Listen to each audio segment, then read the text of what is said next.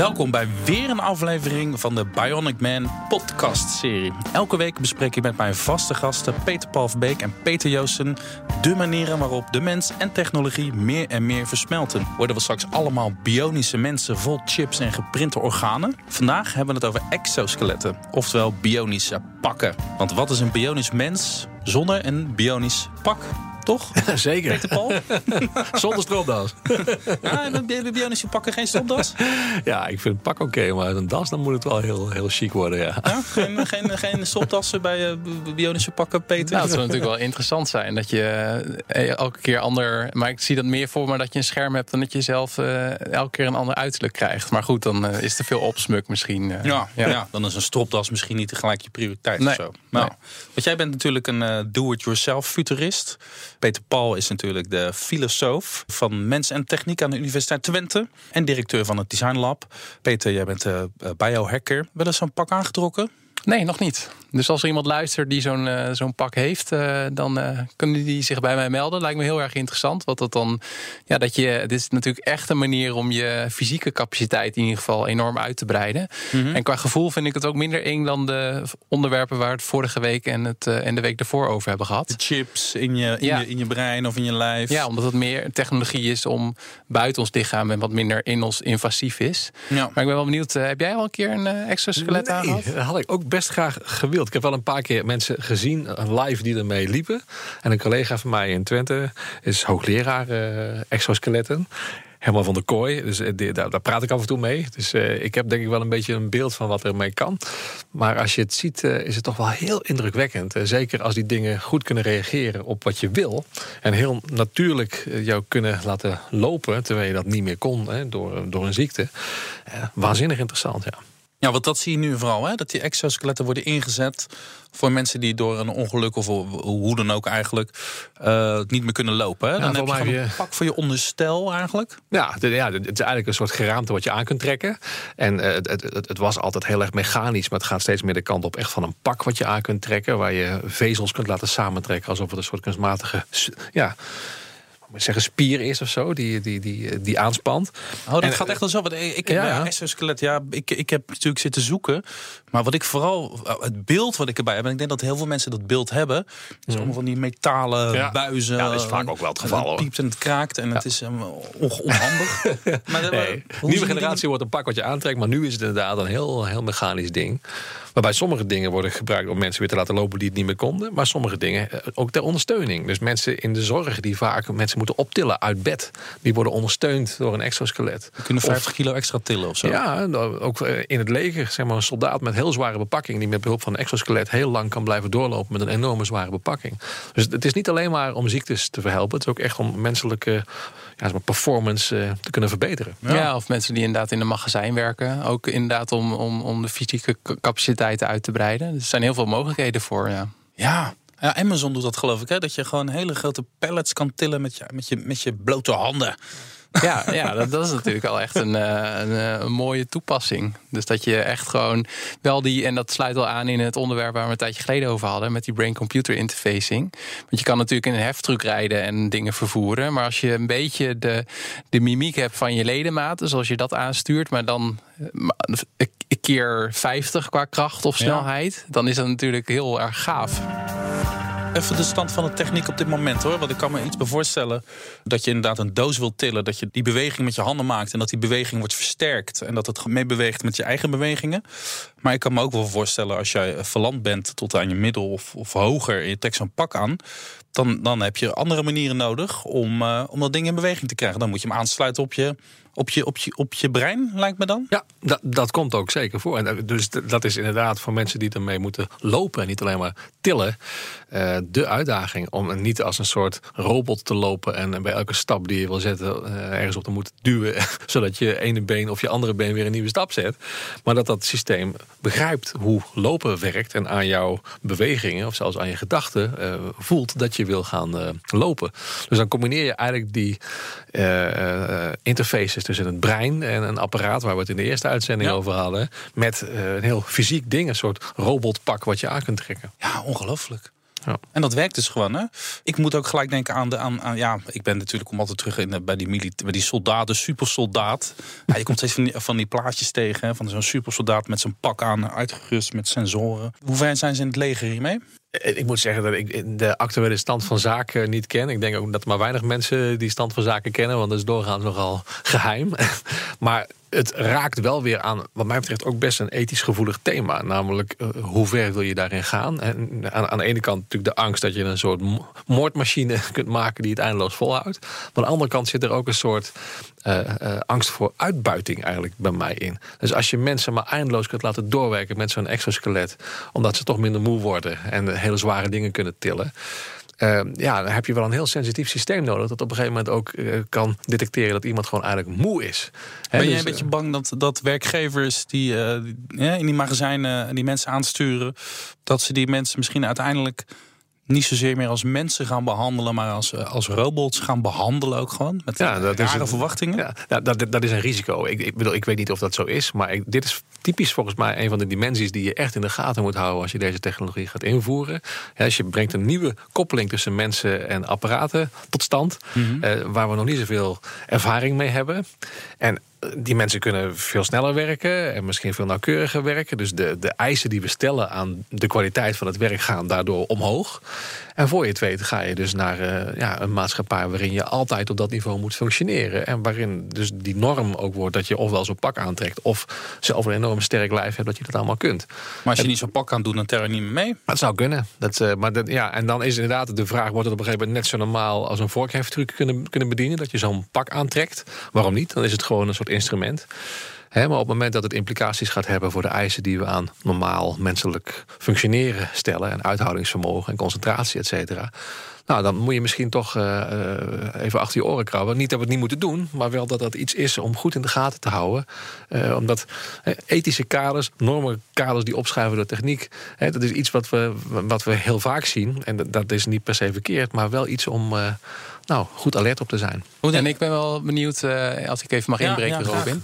Um, wat jij noemde, want uh, Peter Paul, je had het net zeg maar, over de maatschappelijke implicaties van deze technologie. Maar een vraag die bij mij opkomt en die ik wel vaker heb als het gaat over technologie, is van stel je voor inderdaad dat je exoskeletten hebt. Hoe ver zijn wij in staat als mens om qua mentale capaciteit om ons daarop aan te passen. Dus heel concreet van stel je voor dat ik gedurende de dag een exoskelet uh, draag.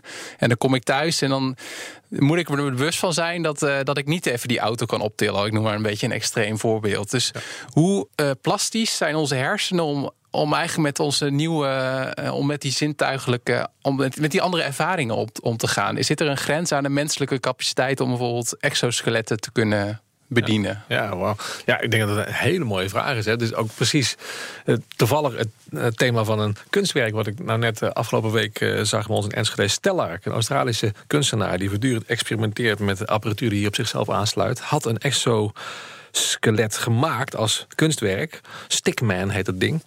Uh, en in Australië werd dat ding bediend door een algoritme. Dus hij ging erin hangen en dat ding stuurde zijn lijf gewoon in allerlei rare houdingen. En dat geeft je precies de ervaring die jij nu beschrijft. Hè? Want je gaat vanuit zijn perspectief denken wat het betekent om gestuurd te worden mede door zo'n machine. Maar dan in, in, in extremo roept dat de vraag op van wie is hier nog uh, in control? En kun je dit als mens aan? Maar, maar we zijn daar toch al jaren, hebben we daar toch ervaring mee als mens? We stappen allemaal elke ochtend in een exoskelet dat met 120 km per uur over de snelweg gaat, toch? Ja, maar dan hoef je alleen maar pedaaltjes in, in te trappen en een stuurtje. Nee, maar als het gaat over die, de, het brein wat zich aanpast aan met 120 km per uur in een, in, een, in een voertuig gaan zitten en we stappen uit en er is geen enkel. We kunnen dat toch gewoon omgaan met die krachten en met die energieën en met de, de, de nieuwe werkelijkheid. Je gaat met zulke vervaar. Wij, wij, wij kunnen toch dat soort dingen heel makkelijk wel handelen. In een uitstap uit zijn skeletje. Ja, ik, eh, mijn eerste gedachte zou wel zijn van wel. Maar aan de andere kant uh, ja, was dat even een idee die bij me oppopte van ja, hoe, hoe ver uh, kunnen we. Dus we kunnen ons fysiek heel erg uitbreiden. Maar we, we hebben toch altijd ook wel te maken met. Kijk, wat maakt een goede voetballer een voetballer? Dat is ook gewoon de, de, de zenuwbanen die vanuit de hersenen naar de, eh, naar de spieren lopen. Um, dus kunnen, moeten we dat dan ook gaan upgraden, bijvoorbeeld? Als we juist ook meer kracht hebben, moeten we dan ook op andere manieren de aansturing van die kracht gaan upgraden. En of, je, of je misschien moet trainen, getraind moet worden om überhaupt zo'n ding te kunnen dragen of zo. Ja, misschien wel, ja. Dus niet alleen qua inderdaad qua, qua, qua risico's en dat soort dingen, maar ook qua de, de fijnmazigheid van zo'n bediening van zo'n apparaat. Dat vind ik een heel mooie opmerking. Want in, in, die zin is het wel een beetje te vergelijken met autorijden of schrijven of zo. Dus ook, dat kost gewoon tijd voordat je zo'n machine kunt bedienen. Maar misschien is het verschil nu wel dat het zo dicht op jou zit, dat het jou ook aanstuurt. Kijk, die auto stuurt niet jouw voeten of jouw handen, maar jij bestuurt die auto. Maar de crux van zo'n exoskelet is dat het juist jouw lijf gaat besturen in interactie met wat jij er, ermee wil. En dat vond ik dus zo mooi van dat kunstwerk, dat je dat in, in extremo ziet. Hè? Dat je dus een heel subtiele wisselwerking uh, hebt. Wat je ook de vraag doet stellen: van ja, hoeveel kun je inderdaad aan als mens en hoe kun je op een goede manier je toevertrouwen uh, echt aan die techniek? Dat is precies wat je moet doen als je een dwarslesie hebt en je kunt niet meer lopen. Je wil niks liever dan weer eh, opstaan. En op gelijke hoogte je vrienden in de ogen kunnen kijken. Zoals ik uh, iemand een keer zo mooi heb horen zeggen met een, met een exoskelet. Maar dat betekent ook dat je heel veel vertrouwen moet hebben in die technologie. Want ja, als dat ding het even niet doet, dan uh, kukkel je zo op de grond. En uh, dat kan pijn doen. Maar wat, ja, hebben jullie daar enige idee van? Vereist dat training? Je, moet, je hebt zo'n zo'n pak, zo'n exos... Wat een rotwoord is daar. exoskelet is een tongue twister. Exoskelet heb je aan. Ja. En die wordt bestuurd door je brein. Of die bestuur je met je brein. Mm Is dat moeilijk? uh, nee, ik, ik heb in ieder geval wel wat, wat, wat verslagen gehoord van mensen en ook wel wat video's gezien dat de eerste keer dat je het doet, dat het net zoals een kind leert lopen, dat dat ook wel wat moeilijkheden met zich meebrengt. Dus ik, uh, maar zeg maar of het te veel moeilijker is dan leren lopen als baby, dat durf ik niet te zeggen. Maar ja, dat vereist wel wat, wat aanpassing inderdaad. Exoskelet met zijwieltjes. ja, het, het, gaat ook niet per se alleen maar met je brein, maar ook met, je, hè, met, met de stand van je lijf en andere spieren die je hebt. Er zijn allerlei manieren om zo'n ding aan te sturen. Oh, dus als je bijvoorbeeld. Ah, wacht. je net een beetje voorover helt en dan. Stel dat je vanaf je middel van land bent en je maakt met je armen een bepaalde bewegingen. Ja, zijn er ook. Dat je dan dat je been, dat, dat het skelet weet. Oh, nu moet hij die benen. Linkerarm beweegt, dus uh, het rechterbeen moet naar voren bijvoorbeeld. Ja, dus er zijn allerlei manieren om, om, om die dingen aan te sturen. Maar je moet dat heel erg leren. Dat is ook een mooie paradox van die techniek. Dus aan de ene kant denk je eh, hoeveel macht je wel niet hebt dat je mensen met een verlamming weer kunt laten lopen. En tegelijkertijd, als je het ziet in de praktijk, is het ook gewoon stuntelen en kwetsbaar. En uh, ja, iets wat, wat, wat toch uh, ja, ook laat zien dat het uh, niet bepaald vanzelfsprekend is dat het lukt. Ja, dus we hebben straks een groep mensen. De mensen die zeg maar eh, verlamd zijn en die daardoor mee kunnen lopen. Dat snappen we allemaal. Dat, dat, dat gunnen we ze en dat moet gewoon gebeuren. En verzekeraars moeten dat vooral meteen ook betalen. Maar stel nou dat die exoskeletten wat meer uh, voor een brede publiek toegankelijk worden. Dus we kunnen ook gewoon mensen die niet ziek zijn, die niks mankeren. Die misschien ook niet in een magazijn werken, maar uh, hoogleraar in filosofie zijn of uh, biohacker van beroep zijn. En die denken van ik wil zo'n ding hebben. En, en je kan ook zelf kiezen welke, welke vaardigheden je wil versterken van jezelf. Dan krijgen we toch wel ook wel een gekke wereld waarbij een groep mensen dat kan kopen en dan een soort sterke, goede mensen worden. En een groep mensen die dat niet hebben of niet willen of niet ja, kunnen. dan krijg je misschien verschillende versies van die technologie. Dus uh, stel je voor dat ik nu een nieuwe versie smartphone heb, die een versie verder is dan die van jou, mm -hmm. nou ja, dan, dan is dat voor jou vervelend, maar niet noemenswaardig. Maar stel je voor dat over 50 jaar dat we deze podcast weer opnemen en we staan hier met onze exoskeletten en ik heb de allernieuwste van firma X en je hebt een paar versies minder, maar dat betekent wel dat ik bijvoorbeeld wel uh, 10 meter de lucht in kan springen. Altijd handig Altijd handig. Misschien ja. tegen die tijd wel. ja. Misschien tegen die tijd wel. Uh, ja, dus het, het kan ook wel juist de verschillen tussen mensen vergroten. Want wie heeft toegang tot deze exoskeletten en wie gebruikt het niet alleen om uh, een verlamd persoon om, om het weer te lopen, maar wie gaat het gebruiken en waarom om zichzelf ook te upgraden? Met, maar misschien met hele andere toepassingen dan wij eens kunnen bedenken. Hè? Want ik zit ook na te denken over misschien ook een vraag aan jullie van we gaan nu met als we over exoskeletten hebben, gaan we heel erg uit van oké, okay, we hebben de mens en we gaan het nabouwen. Maar misschien willen we ook hele, gaan we op een gegeven moment veel creatiever worden en gaan we in plaats van voeten dat we een bal hebben of zo, uh, bij wijze van. Ja, dat, dat we rollend door het leven gaan. Nou, misschien ja. wel, ja. En, ja, de, en, misschien ga je dan de neurologisch daar ook op aanpassen. Want de mensen is daar ook best wel flexibel in. Of uh, dat je inderdaad met de exoskelet kunt gaan vliegen. Dus ja. uh, op een heel andere manier. Man, je had het er vorige week ook al over. ja, ja, precies. Ja. Dus, nou ja, wat, wat, ik leuk vind aan die gedachte is dat je met die exoskeletten een beetje kunt spelen met wat de norm is. He, dus, en dat is heel ambigu. Aan, aan, de ene kant is het gevaar misschien dat je een tweedeling in de samenleving zou kunnen krijgen tussen mensen die het zich wel kunnen veroorloven en die het zich niet kunnen veroorloven om zichzelf te upgraden of zo. Aan de andere kant zie je ook juist in de wereld van mensen die uh, zoiets nodig hebben. Een beweging tegen hè, wat ze dan ableism noemen. Hè, dat de norm is dat je niet disabled bent, maar able. Hè, dat je niet een handicap hebt. Maar zeggen ze ja, maar ho, uh, wij kunnen misschien door ons exoskelet wel beter performen dan jullie. en uh, mensen die dat juist willen laten zien, dat ze een ja? hulpmiddel hebben, omdat het hun identiteit is en die er trots op zijn. Dus omdat het die grens doorbreekt tussen gehandicapt of niet, zoals dat dan vaak genoemd wordt uh, wordt het ook een soort voorsprong. Nou, dat vind ik interessant. Hè. Elke techniek heeft een soort normenkader. Je hoort binnen de norm of je valt buiten de norm. En uh, nou ja, als je een nieuwe techniek ontwikkelt, schuif je dus ook die normen op. Ja, dat, dat zeg je, dat heb je bij elke aflevering. Kom je op een of andere manier. Ik vind het ontzettend belangrijk. Terug. Ja. Vind je dat we daar met z'n allen goed genoeg over nadenken, over wat we ermee bezig zijn? We weten natuurlijk allemaal dat die technologie ontzettend hard gaat. Ja. Sukkelt dat debat niet altijd een beetje achter achter de invoering van de technologie aan. We zijn ik heb het gevoel dat we altijd een beetje laat nadenken over. Steeds minder, laat, maar dat is zeker zo. Dat is het gevaar. Eerst is er een techniek en dan komt een ethicus nog eens uitleggen dat het eigenlijk een slecht idee was. Hè? Daarom, daarom, ben ik ook uh, betrokken bij ons hele designlab in Twente. Om die ethiek en die maatschappelijke reflectie echt bij het ontwerpen van techniek al mee te nemen. Ik vind dat ontzettend belangrijk. Het is altijd heel ingewikkeld, want je ziet die normatieve impact, dus die, die ethische lading van techniek, vaak pas als techniek al aan het werk is. Maar het is wel, denk ik, ehm, heel essentieel om ook met ethische woorden, die je normaal voor mensen gebruikt, ook over apparaten, dingen te kunnen praten. En dat is denk ik waar we aan moeten wennen. Dat dingen ons, ehm, ja, de, de, ethische kaders in onze maatschappij net zo vormgeven als, als de mensen dat doen. Maar wat, wat zijn jouw reacties, Peter? Want ik kan me ook voorstellen, ja, misschien zit ik helemaal naast, maar als jij op feest en partij of op verjaardagen komt, dan is het, ja, ja, heb je Peter weer met zijn futuristische geintjes. Met zijn met zijn chips aan. Met. Maar hoe, hoe wordt er naar jou gekeken in jouw omgeving? Het is natuurlijk leuk, maar wat je... Ja, tot nu toe eigenlijk wel met, ehm, dat mensen met verwondering daarnaar kijken. En het uh, vooral heel erg bijzonder vinden. En misschien ook wel een, uh, een freak of een geek of een nerd. Mm -hmm. uh, maar ik neem dat dan maar aan als een, als een geuzennaam. Want ik vind het juist ook, denk ik, wel belangrijk van... we kunnen, als we het hebben over die technologieën waar we over hebben gepraat... en waar we het nog over gaan hebben... Mm -hmm. dat wordt natuurlijk ontwikkeld in wetenschappelijke instellingen en door bedrijven. Maar ik denk ook een heel groot deel van, dit, van de vooruitgang waar we tot nu toe gebruik van maken, dat is ook ontwikkeld juist voor die, door die mensen op de randen. De, de, de freaks, de nerds die in hun garage met computers uh, aan het hacken waren. Dus en dat, dat is ook bij mijn interesse eigenlijk in dit gebied. Dat ik het leuk vind om een beetje te kijken naar ja, naar de grensgevallen en daar zelf ook uh, uh, gebruik van probeert te maken.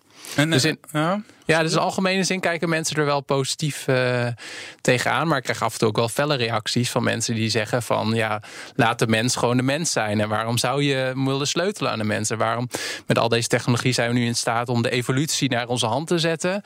Ja, dat, daarvoor zijn we niet op aarde gezet bijvoorbeeld. Dus ik krijg ook wel felle reacties. Maar dan leidt het een beetje tot een soort debatten waar Peter Palt net over had. Hè? Ja. Inhoudelijk. Ja, ja en, dus, dan is vooral de kunst dat we dat goed voeren. Hè? Want heel vaak uh, wordt die ethische discussie toch een beetje gereduceerd tot uh, ja of nee, willen we het wel of willen we het niet, moeten we voor of tegen zijn. En dat is toch wel een beetje een erg platgeslagen versie van ethiek. Hè? Terwijl eh, de echte vraag volgens mij is: hoe zouden we op een goede manier kunnen omgaan met deze techniek? En soms is het antwoord misschien wel niet. Nee, het kan niet. We willen geen atoombom of zo.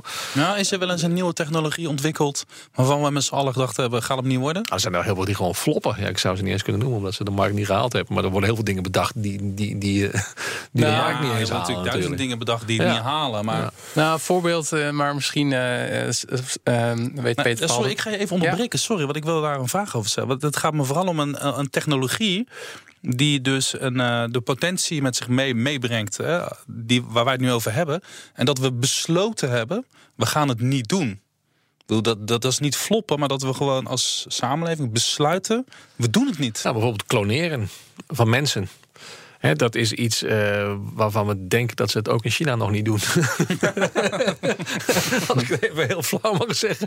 Maar daar, daar, daar is toch een heel brede consensus dat dat toch wel een heel instrumentele manier is van omgaan met mensen. Dat, dat je mensen tot een instrument, tot een ding maakt wat jij mm -hmm. kunt opkweken. dat je jezelf kunt verdubbelen als het ware. En dat dat ingaat tegen alle basiswaarden van respectvol omgaan met andere mensen. Maar je kunt er niet uitsluiten dat we het ooit gaan doen. maar dan misschien weer op een hele andere manier. Er zijn nu al allerlei mensen bezig met de gedachte dat je misschien stukjes van je lijf kunt gaan zitten kloneren. Hè. Je hebt longkanker en uh, je wil kijken of een chemotherapie aanslaat. Nou, maak je een organ on a, on a chip. Gewoon een klein stukje orgaanweefsel met die kanker erbij. En je test gewoon tien chemotherapieën uit. Welke is het beste? Dus eh, ik denk dat zo'n idee dan vaak weer een ander pad kiest. En op een uh, betere aanvaardbare manier toch de samenleving in komt. Ja, wat ik er vaak wel moeilijk aan vind, is inderdaad wel uh, dat wij bijvoorbeeld hier onderling of in Nederland daar bepaalde afspraken over worden gemaakt. Maar dat er ook een grote groep is, of een groep is die dan zegt van ja, dat heeft geen zin, want ergens anders in land X of groepering X gaat het toch wel gebruiken. En dan denk ik van ja, ontslaat het dan ons van de verantwoordelijkheid om het dan ook maar los te laten en om het ook maar te gaan doen? Of is er op een gegeven moment een technologie waarvan wij besluiten om het niet te doen en een ander land doet het wel. En dan staan wij ineens op een significante achterstand, bijvoorbeeld. Dus ja, interessante tijden wat dat betreft. Nou, dan verlaag je eigenlijk altijd je norm tot degene die het diepste wil gaan of zo, hè? Automatisch. Ja, dus dit laat volgens mij zien dat dat kader van ja of nee niet genoeg is. Wat we moeten doen is elke techniek eh, zeg maar ethisch doordenken. En dus niet meteen uh, nee roepen. Uh, ook al voel je intuïtief dat je het misschien helemaal niet graag wil. Maar toch pogen goed te doordenken wat de maatschappelijke implicaties zouden kunnen zijn. Inclusief misschien de implicaties voor onze ethische denkkaders. Ja. toen ze begonnen met een verdoving geven bij operaties in ziekenhuizen, was dat aanvankelijk heel omstreden. Want het had een functie dat het lichaam pijn deed als je het opende. Uh, ja, ja, het zou natuurlijk nu voorkomen immoreel zijn om iemand te opereren zonder verdoving. Dus die, die, die, kaders zijn opgeschoven omdat we anesthesie hebben ontwikkeld. Dus dat meenemen in je ethische debat, dat ook onze ethiek zich ontwikkelt met techniek, dat maakt het heel ingewikkeld. Maar dat moeten we echt doen, denk ik, op een goede manier en een verantwoorde manier met technologie om te kunnen gaan. Terug naar die exoskeletten. We hebben ze in de zorg. We gaan uh, oudjes tillen met behulp van die, van die skeletten. Ja. ja. En uh, we gaan in een magazijn naar dozen tillen. Of misschien gaan uh, mensen in autofabrieken hele auto's tillen met behulp van een exoskelet. We zien wel een paar mogelijkheden. We, we kunnen weer gaan lopen als we verlamd zijn. Wat, wat wordt de, de grote doorbraak, de grote toepassing waardoor we allemaal misschien zo'n ding in de kast willen hebben? Heb je daar, hebben jullie daar een idee over? Ja, ik probeer altijd maar. wat, waar, waar zit een beetje het. Het heet nou, ja, bij mij, eh, ja, de, hij is nou al ook in deze aflevering genoemd, maar de Ironman uh, exoskelet, dat lijkt mij al heel interessant. Dus als je bij wijze van op een andere manier echt significant veel sneller jezelf kan vervoeren, door middel van een vliegend pak bijvoorbeeld, mm -hmm. uh, dat lijkt me wel echt uh, dat het zeg maar ook mainstream zou kunnen worden. Maar dan, ja, ik weet niet of dat ooit zo kan, maar dat lijkt me voor mij in ieder geval een hele aantrekkelijke optie. Ik zit zelf meer, uh, maar het is niet meer dan, dan, dan een fantasie, te denken over de mogelijkheden om uh, AI, kunstmatige intelligentie, te koppelen aan exoskeletten. Om juist ons lijf beter te leren gebruiken. Dat je een chirurg beter kunt laten opereren. Of een muzikant beter kunt laten musiceren. Door uh, je lijf te laten assisteren door een exoskelet wat aan je lijf is aangesloten. Dat eigenlijk nog beter aangestuurd kan worden door AI dan door je eigen brein. Ah, je hebt, je hebt kinderen? Ja, zeker. Hoe oud is je jongste? Zeven. Zeven. Kan jij je voorstellen dat jij je jongste kind ooit een uh, exoskelet... Wat is het, een jongen of een meisje? Dat is een jongetje. Voor zijn verjaardag geeft? Elias met een exoskelet. dat nou, dat leuk wordt? Ik denk dat hij het heel cool zou vinden, eerlijk gezegd. Hij vindt niks mooier dan auto's en fietsen en alles wat hard kan gaan. maar dan zou hij eerder gaan voor zo'n exoskelet wat jij wil, uh, Peter. Vliegen. Gewoon heel hard vliegen of heel hard rennen. Ja. Ja. Zou je dat leuk vinden om je Nou, als het... Uh, zien vliegen? ik, ik, denk dat hij er heel erg blij van wordt, dus dan word ik er ook blij van. Maar ik zou wel graag willen dat het een beetje veilig is, ja. En jij dan, Robin? Ja, ik, uh, ik, heb geen, ik heb hier echt geen flauw benul van. Nee, echt niet. Ik zit te nee. denken... Ik, het enige wat waar ik nog aan dacht is uh, een soort Olympische Spelen voor ja. mensen met technologische hulpmiddelen. Dat lijkt me wel lachen. Ja. He, Formule 1, je hebt mensen in auto's. Waarbij het een beetje de vraag is: is het het talent van de coureur of het talent van uh, het technische team wat ervoor, uh, wat ervoor zorgt dat, dat, dat iemand wint? Ja. En zo kan, kan ik me wel voorstellen dat je een soort Olympische Spelen krijgt voor mensen met technologische foefjes. Ja. Ja, en een gewone Olympische. Of ja, misschien ja? tegen die tijd noemen we dat niet gewoon meer, maar uh, ouderwets. Ja, nee, ik kan me heel goed. Er is ook een initiatief, de Techno Olympics, oh, wat hierover gaat. Dus inderdaad van een nieuwe. Dus, uh, dus je hebt nu volgens mij de, uh, ja, ook de, de Olympics, de Special Olympics. En dat de, ja, de Paralympics. En dat je dan ook de, de Techno Olympics hebt. Maar ja. dat is dus inderdaad de 100, 100 meter horde met de exoskelet aan? Ja, dat doe je dan in een seconde of zo, denk ik. nou, je springt omhoog een raket aan en dan ben je er al. Ja. ja. ik zie daar wel, uh, dat, dat lijkt me heel interessant. Er komt een soort competitie-element in. Er komt een soort commerciële waarde. Ze gaan mensen kijken, dus er komt geld. Ik denk wel dat dat wel een soort vliegwieltje kan zijn om dit te ontwikkelen. Maar ik heb echt werkelijk geen Ja, misschien uh, voor Peter Paul zou het wel ook een stimulering van uh, onderzoek uh, kunnen zijn. Want dat zien we nu inderdaad al met robo-voetbal en alle andere competities. Ja, ja, ik denk dat het. Bedoel, in de sport is het juist heel interessant om dit te doen. Want de sport gaat uit van de gedachte dat je allemaal een gelijke basis hebt. We hebben allemaal het lijf wat we gekregen hebben, waar je mee geboren bent. En daar moet je mee doen. En het wordt al heel snel gezien als doping of vals spelen als je iets aan je lijf toevoegt. Maar tegelijkertijd, ja, je kunt ook diëten, je kunt trainen. Dat is ook kunstmatig en niet mhm. natuurlijk. Dus waar je die grens dan legt tussen mens en techniek, dat wordt juist in de sport heel erg helder. En als het normaal wordt om met, weet ik wat, een klapschaats te gaan schaatsen in plaats van een gewone schaats, ja, waarom zou het dan niet normaal worden om met een exoskelet te gaan? Ja, in de Formule 1 vinden we het ook de normaalste zaak van de wereld, toch? Ja, ja. Dat degene met de beste monteurs eh, wint. Maar dan uiteindelijk win je dan misschien toch op je vermogen om dat skelet goed te bedienen. Om, om als mens goed om te gaan met het skelet. En niet omdat je een goed skelet hebt. Ja, Allebei misschien. Als je Max Verstappen vraagt, zal hij het ook graag aan zijn auto wijten. Tot slot, zijn exoskeletten hackbaar? Sure. Vast wel, denk ik. Ja. ja. dus ik zat ook even uh, een die fantasie van nou Peter Paul door te ja. ja, ik zat ook die, die theorie van Peter Paul door te trekken. Van als we allemaal kunstmatige intelligentie in onze exoskeletten hebt. En je gaat dan het intelligentie hacken, kun je dan ook niet op afstand een heleboel mensen besturen. Je moet er toch niet aan denken dat iemand jou overneemt waar je zo'n pad een ding aan hebt, toch? Ja. ja, dat is niet fijn. Nee, dat is inderdaad. dat, leuk. Dat, dat, zijn, dat zijn horror scenario's. Nee, dat is zeker. En het is ook weer een goede exercitie om die horror scenario's goed door te nemen. maar uh, uh, ja, dat, uh, ik weet ook niet of dat nou direct een heel, heel waarschijnlijk scenario is. Nee. ik, ik vind enger wat het doet met hoe we aankijken tegen ons lijf. Wat voor verwachtingen we hebben van normaal menselijk functioneren. En hoe die, hoe die norm opschuift ik trek straks mijn uh, exoskelet uh, aan. Met stopdas. Uh, is er weer klaar voor vandaag. Dank weer, Peter Joosten. Nu vergeet ik het. Biohacker ja. en do-it-yourself futurist. Heel goed, ja. En Peter Paul Verbeek, hoogleraar filosofie van mens en techniek aan de Universiteit Twente. En directeur van het Design Lab. Volgende week gaan we weer verder met experimenteren met de bionische mens. Lees elke week de nieuwe aflevering in het Financiële Dagblad. Elke zaterdag kun je meelezen. En uh, wij gaan hier uh, met z'n drieën vrolijk verder om die stukjes in de krant verder uit te diepen. Tot volgende week.